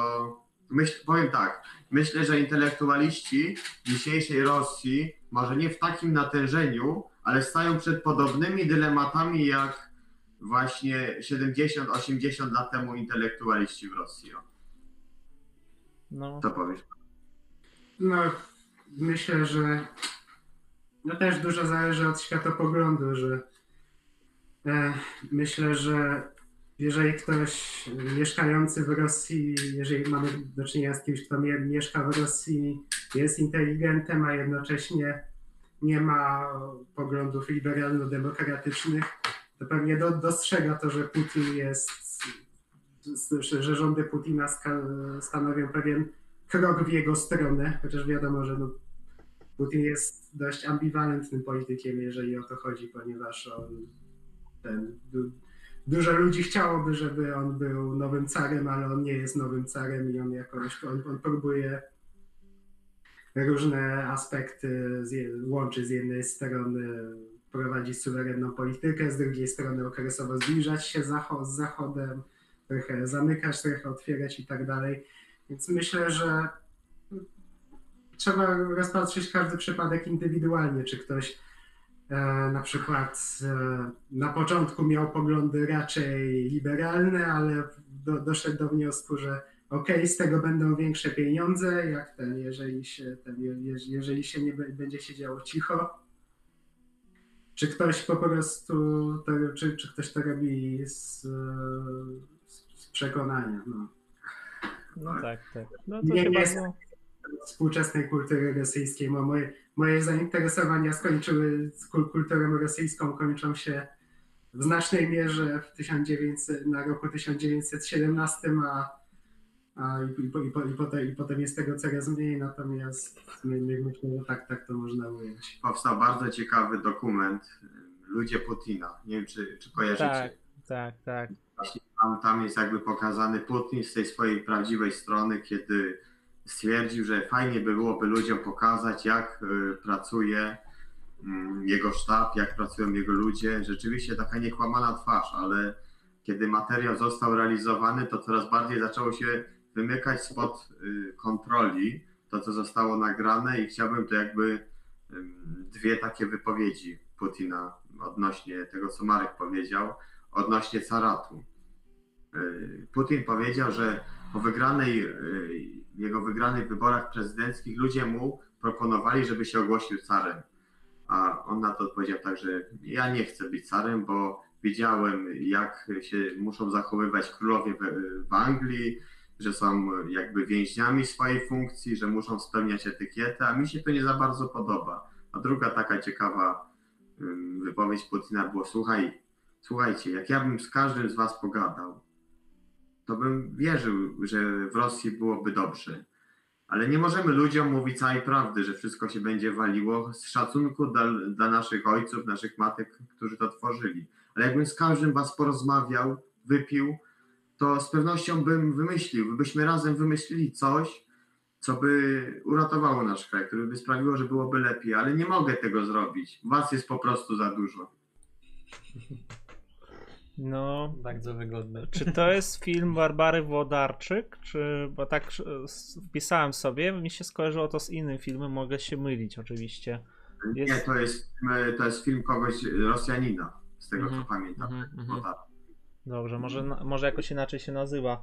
E, Jest też film ciekawy, gdzie pokazują e, to życie Putina w latach 90., jak on się dostał do władzy, jak go wybrali. I tam pokazują te lata, jak on jakby jeszcze, no jest bardzo młody, tak? I oni tam go wybierają e, i pokazują ten cały, cały jakby sztab Putina, e, ty, ty, tych Słuchaj. ludzi głównie, którzy go. Tam jest taka scena, że jest u swojej nauczycielki. Tak, tak, tak, to jest ten film. Ja o tym właśnie filmie mówiłem. O, to jest chyba reżyser, o ile się nie mylę, Mankowski, czy jakoś tak on się To nazywa. jest właśnie Mańkowskiego, tak. To jest, to jest właśnie ten film. Oj, nie, nie wiem, Ja- czy nie chcę. O tym filmie, o tym samym filmie mówimy. Właśnie Na pewno i o z tym tego samym teraz. taka Spróbuję. jeszcze Go... ciekawostka z tego sztabu. Został tylko Miedwiediew teraz. Wszyscy ludzie albo się usunęli, albo wyemigrowali. Tylko Miedwiediew został przy Putinie z tamtego czasu. E, Ja bym jeszcze tak e, teraz spróbuję znaleźć ten film, a w międzyczasie. Świadkowie Putina? Świadkowie Putina, tak, dobrze tutaj napisali. Dzięki Natalia. Dzięki bardzo. Teraz ko- przejdziemy do komentarzy. To jest dzisiaj chyba najbardziej ciekawa część tego. E, tutaj piszą, że u was jakby czas się zatrzymał tam. Za... Mamy machinę do zmieniania czasu. Kiedyś odpalimy. Na- co jeszcze tutaj ciekawego napisali? Tak, tutaj ktoś napisał, oni tam raczej, znaczy w kontekście Rosji, e, raczej nie mają wyboru popierać, nie popierać, póki żyją w Rosji przynajmniej. A jeszcze. Tak, tak, tak. Co tu jeszcze było? Aha, jeszcze u Dugina zaczęli pisać. A, a, a, ale jacy intelektualiści w Rosji? Dugin, Franz James Ma Mayer, Mauer napisał. I ktoś mu odpowiedział od razu, proszę nie szkalować Dugina. No. Zgadzamy się, proszę nie szkalować. E, Coś tu jeszcze piszą. Myślę, że twórczość Piotra Pawleńskiego byłaby ciekawa w tym kontekście. Nie zna... To jest facet, który przybił swoją. E... No, czekaj, co on przybił? Znaczy, on kilka rzeczy zrobił. Po pierwsze, ja zacznę od tych prostszych. E... Podpalił o, coś tam, jakieś papierki podpalił pod, pod drzwiami, e, pod drzwiami tego, Boże, brakuje mi polskich słów, FSB, tak, i To jest tak samo po polsku, Filip. To jest, FSB też jest po polsku. tak, tak, i, ale tutaj konkretnie mi brakuje słów, bo on e, przybił chyba swoje, tak, jądra tutaj pod, podpowiadają mi, przybił jądra do, do mm, nie pamiętam co to było, do brukownicy jakieś tam, no, nie kojarzycie, nie? Nie. Wyrzucili go z Rosji teraz no, i on we Francji zaczął podobne rzeczy robić. Ale swoje jądra? No tak. To, to już drugich nie przywije nigdzie, no to już nie będzie robił podobnych rzeczy. Nie, on siedział, on przybił i siedział z tym. Jeszcze chyba podpalił e, jak e, w 2014 chyba albo 13, po, nie, w 2014 podpalił opony tam e, w centrum Moskwy chyba Mhm. na no to był tak, tak, taka, taki performance w związku z tym, co się dzieje na Ukrainie. Coś tu jeszcze Moszny przybił. No, dzięki za komentarze. A propos oczywistej władzy, słyszałem, że w Korei Północnej. Północnej zorganizowali wybory. Do wyboru była tylko jedna partia i był przymus głosowania. Tym sposobem władza dostała 100% głosów przy niemal 100% frekwencji. Pisze déjà vu. Że- Ale Może po no, polsku. Za, za okresu PRL-u było podobnie, bo na wybory nikt nie chodził, można było głosować tylko na PZPR, chodziło, nie wiem, 10% osób, a frekwencja zawsze była 90%. I często ludzie, którzy jako że pełnili wysokie funkcje, musieli głosować, też nie chcieli głosować.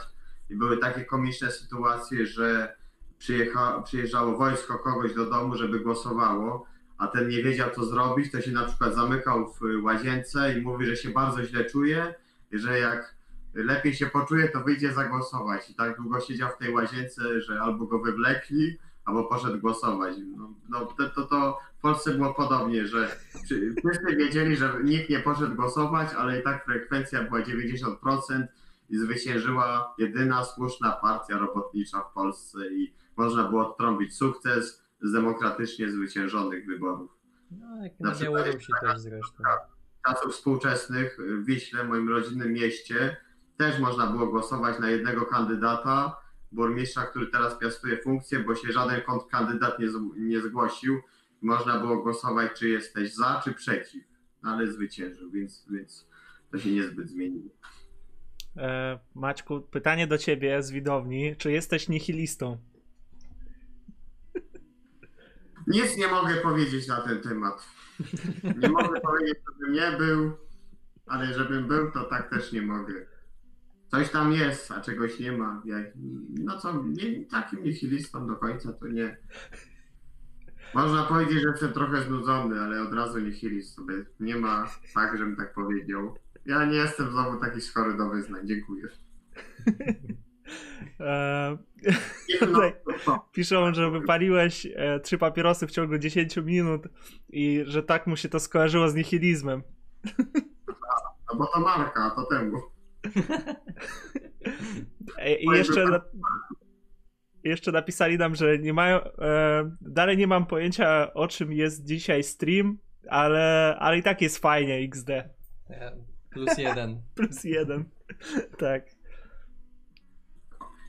Odnośnie opowieści Macieja. W Rosji e, jakiś sołtys, wójt, wystawił dla przyzwoitości swoją sprzątaczkę jako.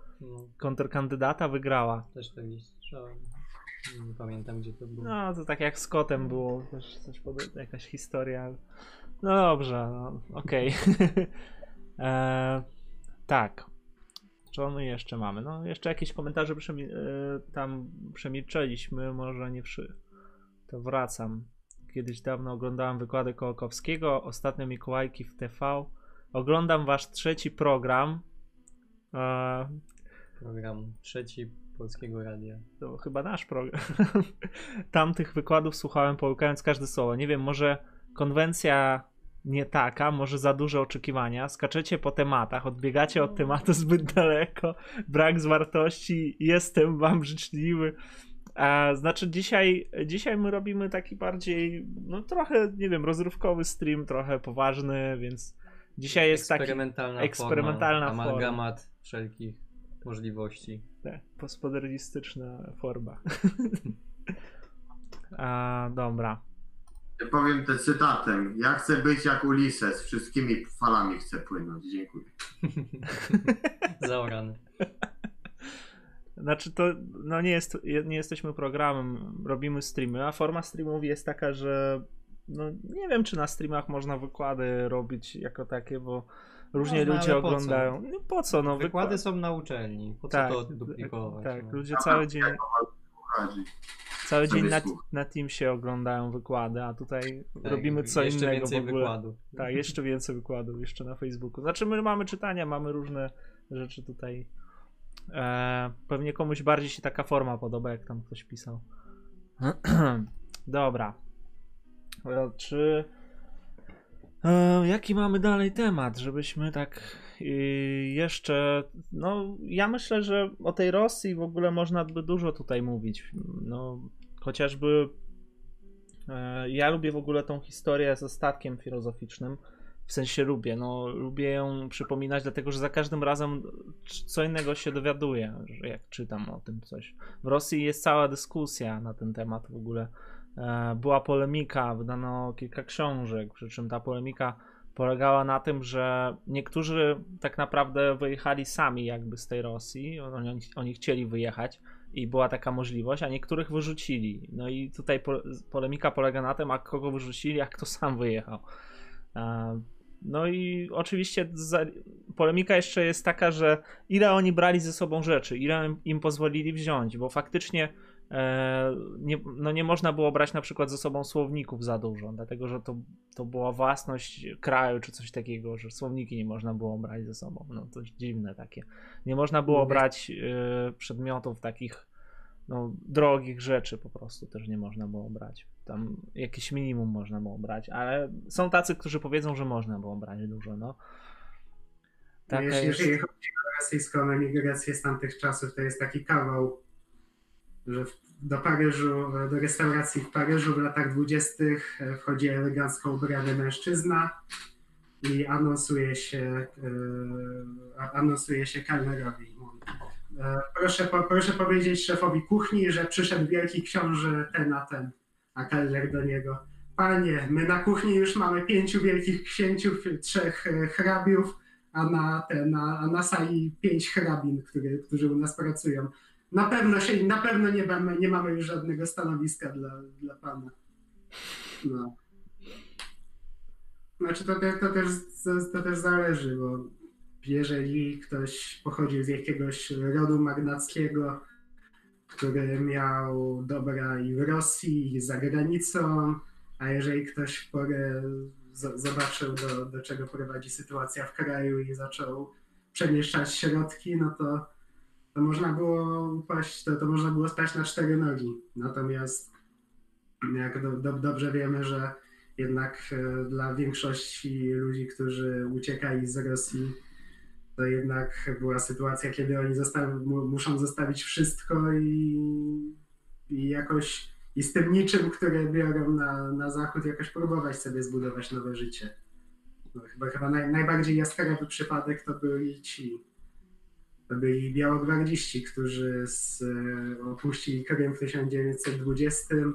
Parę miesięcy spędzili na Galipoli, w obozie tymczasowym, gdzie tam le, le, ledwo udawało im się w ogóle przeżyć, bo ten, bo żywność była, te, była towarem deficytowym. E, od swoich byłych sojuszników praktycznie nic nie dostawali i potem ich łaskawie, łaskawie im pozwolono pojechać gdzieś indziej na, do Europy Zachodniej. No. No tak. tak. Tak to mniej więcej wyglądało. Że tak nawiązując, skoro już poszliśmy bardziej na wschód, to taka anegdotka. Lenin wybitnym jakby filozofem nie był i pewien młody student napisał y, pracę o wierzeniach pierwotnych i pisał tam o totemizmie. I komisja czyta, czyta, czyta. W końcu mówi wściekłe jeden przedstawiciel, że dlaczego nie zacytował dzieł Lenina. A on taki wylękany mówi, że bardzo skrupulatnie przeczytał dzieła Lenina, ale nie znalazł jakby niczego, co by wskazywało na jakiś ślad, że to jest o totemizmie. przeczytał ciekawie, czy wszystkie przeczytał? Teraz, teraz następna. Y, w Polsce w okresie PRL-u y, funkcjonował WUML-u, y, co się tłumaczy jako Wieczorowy Uniwersytet Marksizmu i Leninizmu. Była to szkoła, którą musieli zdać wszyscy studenci którzy aspirowali na kierownicze stanowiska, gdzie właśnie był wykładany Marx, Lenin. I to jest ciekawa sprawa, ponieważ mm, Marx był wykładany tak, jak było to na rękę y, kierowniczej partii i na rękę interesów władzy. Niemniej jak y, łatwo było profesorowi zadać niewygodne pytanie. I prawda, profesor mówi o prawie materialistycznej dialektyki, że z nisko rozwiniętej formacji ekonomicznej, ekonomiczno-społecznej przechodzi się na wyższy poziom i ta wysoko rozwinięta formacja ekonomiczno-społeczna wchodzi na nową formę, na niski poziom. I później mówi profesor, że doskonałym przykładem jest Polska. Przed wojną Polska była nisko rozwiniętą formacją ekonomiczną i ekonomiczno-społeczną o kapitalistycznym ustroju. Natomiast w kilka lat po wojnie zmieniliśmy się wysoko rozwiniętą formację społeczno-ekonomiczną, socjalistyczną. i wtedy pewien słuchacz tych wykładów się pyta, jak to jest możliwe, że w przeciągu kilku lat zmieniliśmy się z nisko rozwiniętej formacji kapitalistycznej wysoko rozwiniętą y, formację socjalistyczną. Niech imię tego studenta będzie tajemnicą. Zatem, To jest, zatem chodzi o to, że w pewnym okresie też w Polsce jakby filozofia, wydziały filozofii były nie do zniesienia, ponieważ one się też zamieniły w machinę propagandową i celem y, tych wydziałów było jakby badanie filozofii jedynie pod kątem zależności od Marksa, prawda? I myślę, że wielu działaczy, przepraszam za taki przytyk myśli współczesnej lewicowej, gdyby się obudziło w takich y, czasach, kiedy, kiedy Marks był tak siermiężnie wykładany, to y, myślę, że jakby z takiej sympatii do marksizmu dla lotnego umysłu niewiele by zostało. no, to tylko można e, dodać coś jeszcze z tego, że ja na przykład czytałem różne prace o Kancie, które były pisane w latach 70. i Kant był też tutaj e, rozpatrywany czy badany pod względem tego, czy są u niego jakieś wątki rewolucyjne i e, jak wpłynął na Marksa. To trzeba było jakby gdzieś to, to zawsze wciskać. Natomiast te prace nie są takie złe, ale te wątki pojawia się nagle Lenin, co Lenin uważał. No ale to, to wszyscy wiedzą, jak to wygląda. E, z takich rzeczy ciekawych, że najbardziej jakby ich wszystkich interesowała re, rewolucyjny, inter, re, interesował rewolucyjny potencjał Kanta, albo e, czy u Kanta można znaleźć teorię odbicia Lenina, albo czy u Kanta e, jak można te jego a prioryczne formy dostosować tam do socjalizmu, czy coś takiego. No, Właśnie przypomniał, chyba u was był ten obrazek i chyba on był prawdziwy, kiedy, kiedy Marx pisze swoje prace, a za nim w tle wisi portret Lenina i Stalina. Właśnie ja to na, znalazłem na jakiejś stronie rosyjskiej, tak faktycznie. A Stalina chyba był portret z, z tyłu. Tak było. W tym momencie możemy trochę wrócić do naszego przewodniego tematu. Właśnie jak e, ci, jak e, filozofia i władza ze sobą współgra. Nie, nie wiem jak wy, ale ja po prostu sobie nie wyobrażam Marksa, który bierze plan jakiegoś nie, dużego niemieckiego miasta, e, ogarnia gdzie są poczty, gdzie są urzędy, gdzie są garnizony, gdzie są mos- mosty tam i, ob, i obgaduje ze swoimi współpracownikami, co trzeba zająć w pierwszej kolejności, skąd przybędą posiłki, gdzie trzeba się, gdzie trzeba uważać na kontratak i tak dalej. No natomiast to, to, to, by- to były rzeczy, które Lenin sam robił i które ten, i które i właśnie dzięki e, to, to, to, to pokazuje, że e, we władzy nie chodzi o słowo, tylko o możliwości i o wolę. Więc e, ja- jakkolwiek w naszej nowoczesności filozofia może być u podstaw, to jednak e, o przełożeniu tego na rzeczywistość decyduje to, czy znajdzie się jakiś pragmatyk, czy znajdzie się ktoś, kto ma wolę i nawet przy, przy nagięciu niektórych po, podstawowych założeń będzie w stanie część innych prowadzić w życie. No, tak Jak na przykład Lenin, który w społeczeństwie, które dopiero co przechodziło z, z fazy feudalnej do fazy burżuazyjnej, e, z- był, w stanie zbudować pierwsze w historii państwo socjalistyczne. No, w szczególności na przykład Mongolska Republika, prawda, socjalistyczna. Y, Wątpię, żeby w Mongolii w tym czasie była chociaż jedna fa- fabryka, prawda? I to też jest zabawne, ponieważ no, Marks, y, przepraszam, Lenin no, zreinterpretował marksizm i dokonał rewolucji na wielką skalę, chociaż jakby prawidła Marksa o wzroście świadomo- świadomości klasy i innych prawideł jakby temu przeczyły, a jednak mu się udało, prawda? Najpierw wywołać na odwrót, najpierw wywołać rewolucję, a później, później stworzyć klasę robotniczą, czyli całkowicie odwrócenie tej zasady. I to jest dosyć ciekawe zjawisko, ym, że jakby wszystko na odwrót. I też trzeba jakby zaznaczyć, że tu yy, według mnie występuje takie y, taka miłość do dalekiego, prawda, czyli miłość do klasy robotniczej, prawda, i że Lenin jakby dopuszcza do siebie okropne, okropne, y, okropny terror, okropne tortury w imię miłości do człowieka, czyli człowieka można upodlić, zhańbić, można go przymuszać, ale w gruncie rzeczy robi się to dla jego dobra, żeby on y, jakby zrozumiał, że to, co my proponujemy jest dobre i trzeba jakby przymusem y, i terrorem człowieka dopiero na dobre tory sprowadzić, żeby on docenił jakby zdobycze rewolucji, że nie ma innej drogi jak przez ból, krew, pot i łzy. No tak.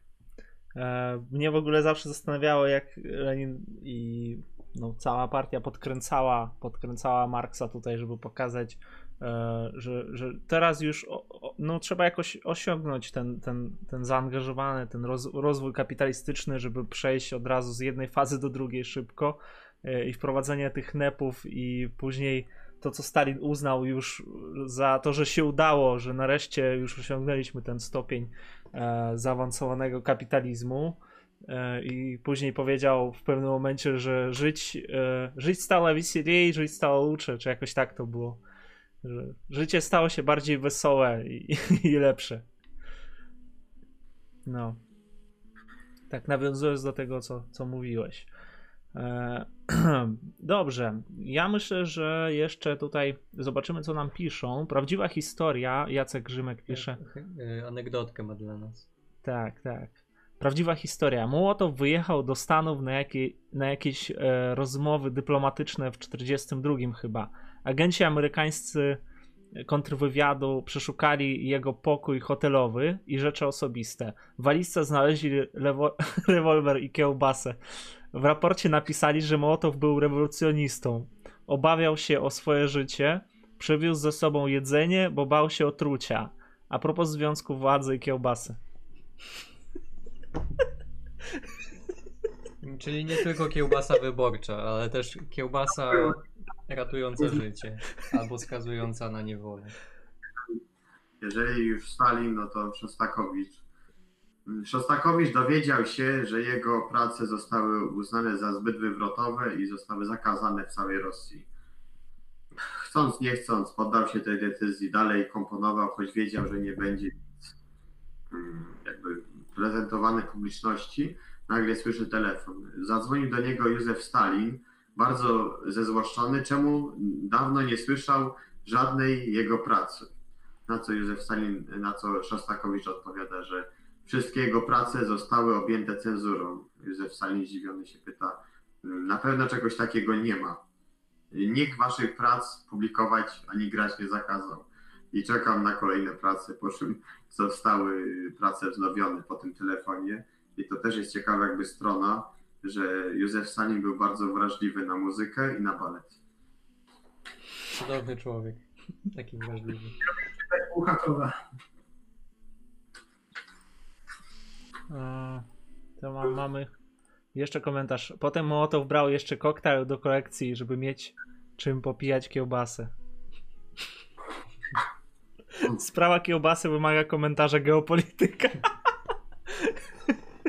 Mam aparatury, kiedy indziej. To, to znaczy, ten, ja uważam, że kiełbasa przez swoją pod, podłużną, e, przez ten podłużny kształt e, obrazuje oś pomiędzy naszymi zamysłami, naszymi możliwościami, aż po nasze, naszą geopolityczną perspektywę. Więc jeżeli my na przykład planujemy, co, jak się zachować wobec bramy smoleńskiej, to my kładziemy przez tam od, od Podlasia przez Białoruś po tam po, po Dnieper i Dźwinę naszą geopolityczną kiełbasę. I po tej geopolitycznej kiełbasie będziemy tam na, na, na, nasi, na, nasi, nasi rządzący zastanawiają się, jak tam ten, jak, jak tam tą bramę sforsować. No i wiadomo, że jeszcze w zależności od regionu, który będzie brał udział w walkach, taką kiełbasę kładziemy krakowską, śląską, prawda, poznańską i Tak, patrzymy, jak, jaki puk zachowa w takiej sytuacji. Kieł, kiełbasa dzieli tą cywilizację lądu i cywilizację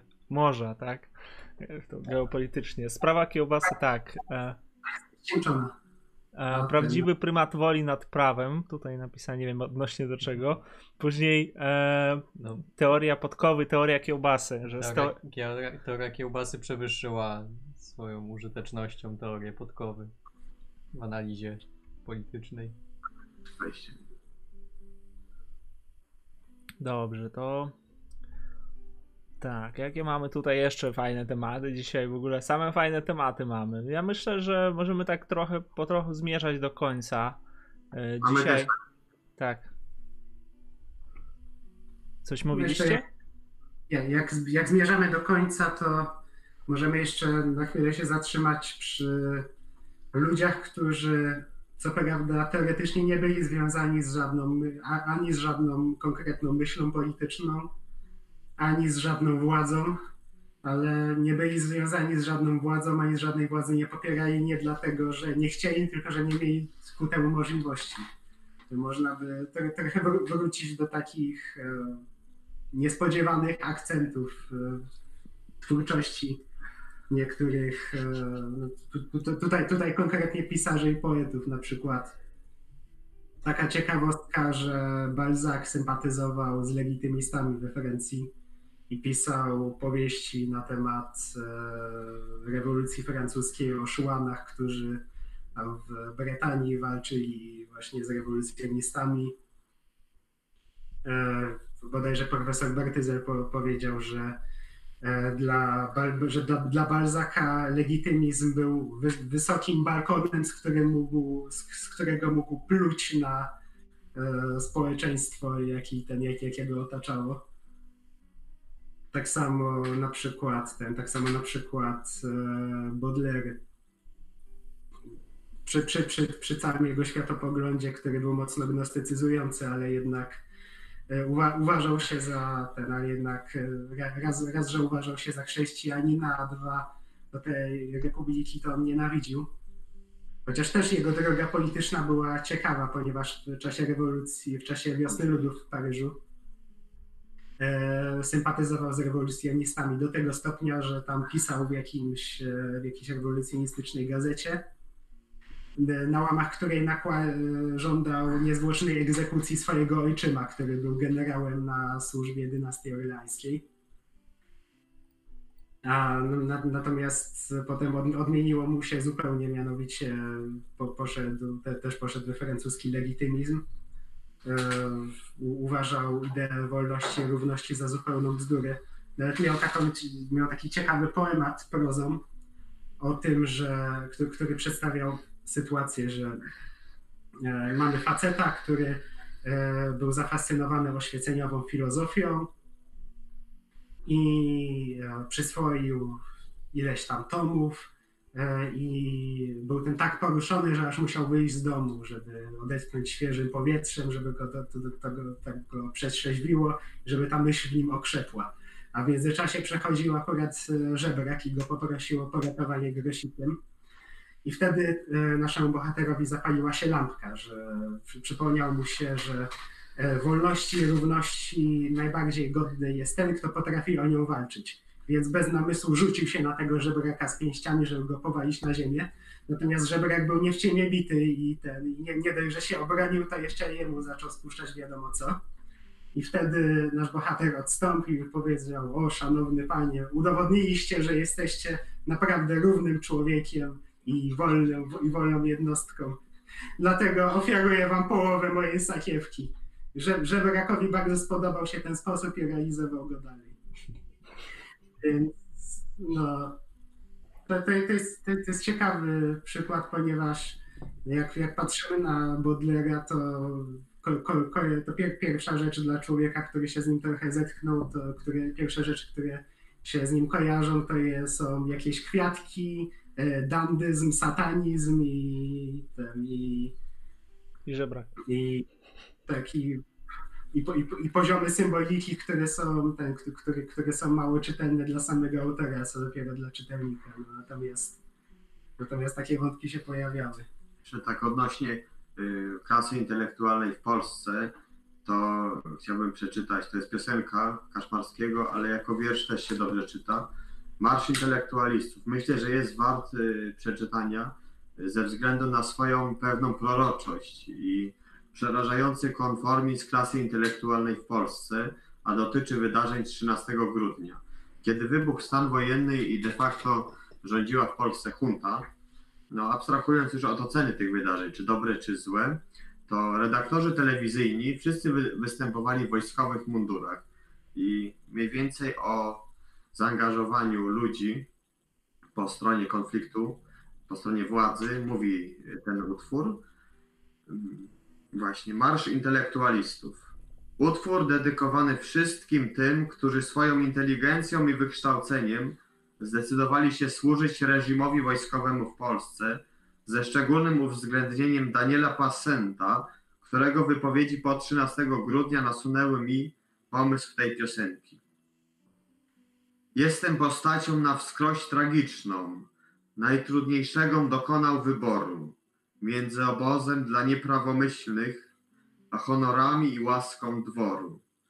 Obeznanemu we snach filozofów trudno jest mówić gwarom kaprali i nosić mundur, ale po trochu, co tylko można trzeba ocalić. Inni odeszli, łatwa decyzja, zwłaszcza, że nikt ich o nią nie pytał, lecz trudno, tego wymaga ojczyzna. Rzecz niepodzielna i jednolita. Ja wiem, ja także z wami marzyłem. Dałem się ponieść mglistym mirażom, lecz tylko siłą zwalczymy siłę i zadeprzemy groby, gdy każą. Niech nikt mi kartą praw nie wywija. Gdy chcę, mam prawo piętnować Żyda. Żołnierz jest po to, żeby zabijać. Nawet gdy rozkaz sam sobie wyda. Nie będzie pisał o szczerczych bredni drań, co Helsinki bierze za Jałtę. Bujon o pryncypia, mój chleb powszedni. Bez wahań zmienię pióro na pałkę. Niech nikt krwią cudzą rąk mnie kala. Dzieje nie takie znają ofiary. Niech wie, kto chciał już pomniki zwalać winny, nie ujdzie w tym kraju kary. I wypiszemy wszystkim na skórze prawa człowieka i obywatela, prawo do pracy, miejsce przy murze i syna twarz, Plutonie, co strzela. A kiedy wszystko do ładu wróci, w szafach należne miejsce mundurom. Snów filozofów młodzież się uczy, a ręka zmienia pałkę na pióro. Ja myślę, że to jest bardzo piękny fragment, e, żeby dzisiaj zakończyć ten stream. Co, co wy myślicie w ogóle? Ponieważ to ten utwór jest dosyć uniwersalny. Mhm. Nie mówi tylko. On, jakby można go do różnych takich wydarzeń, w- kiedy nachodzi ten mezalians władzy i myśli, można go bardzo dobrze jakby zast- zastosować i wyciągnąć z niego wnioski. Dobrze, to zostańcie jeszcze chwilę, a my teraz e, co? No, kończymy. No. Tak, my kończymy. Także dziękujemy wszystkim oglądającym. Dzięki za wszystkie komentarze. Było tego sporo. Dzięki za donaty, za oglądanie. Za komentarze o kiełbasie. No, także no, trzymajcie się. Do zobaczenia.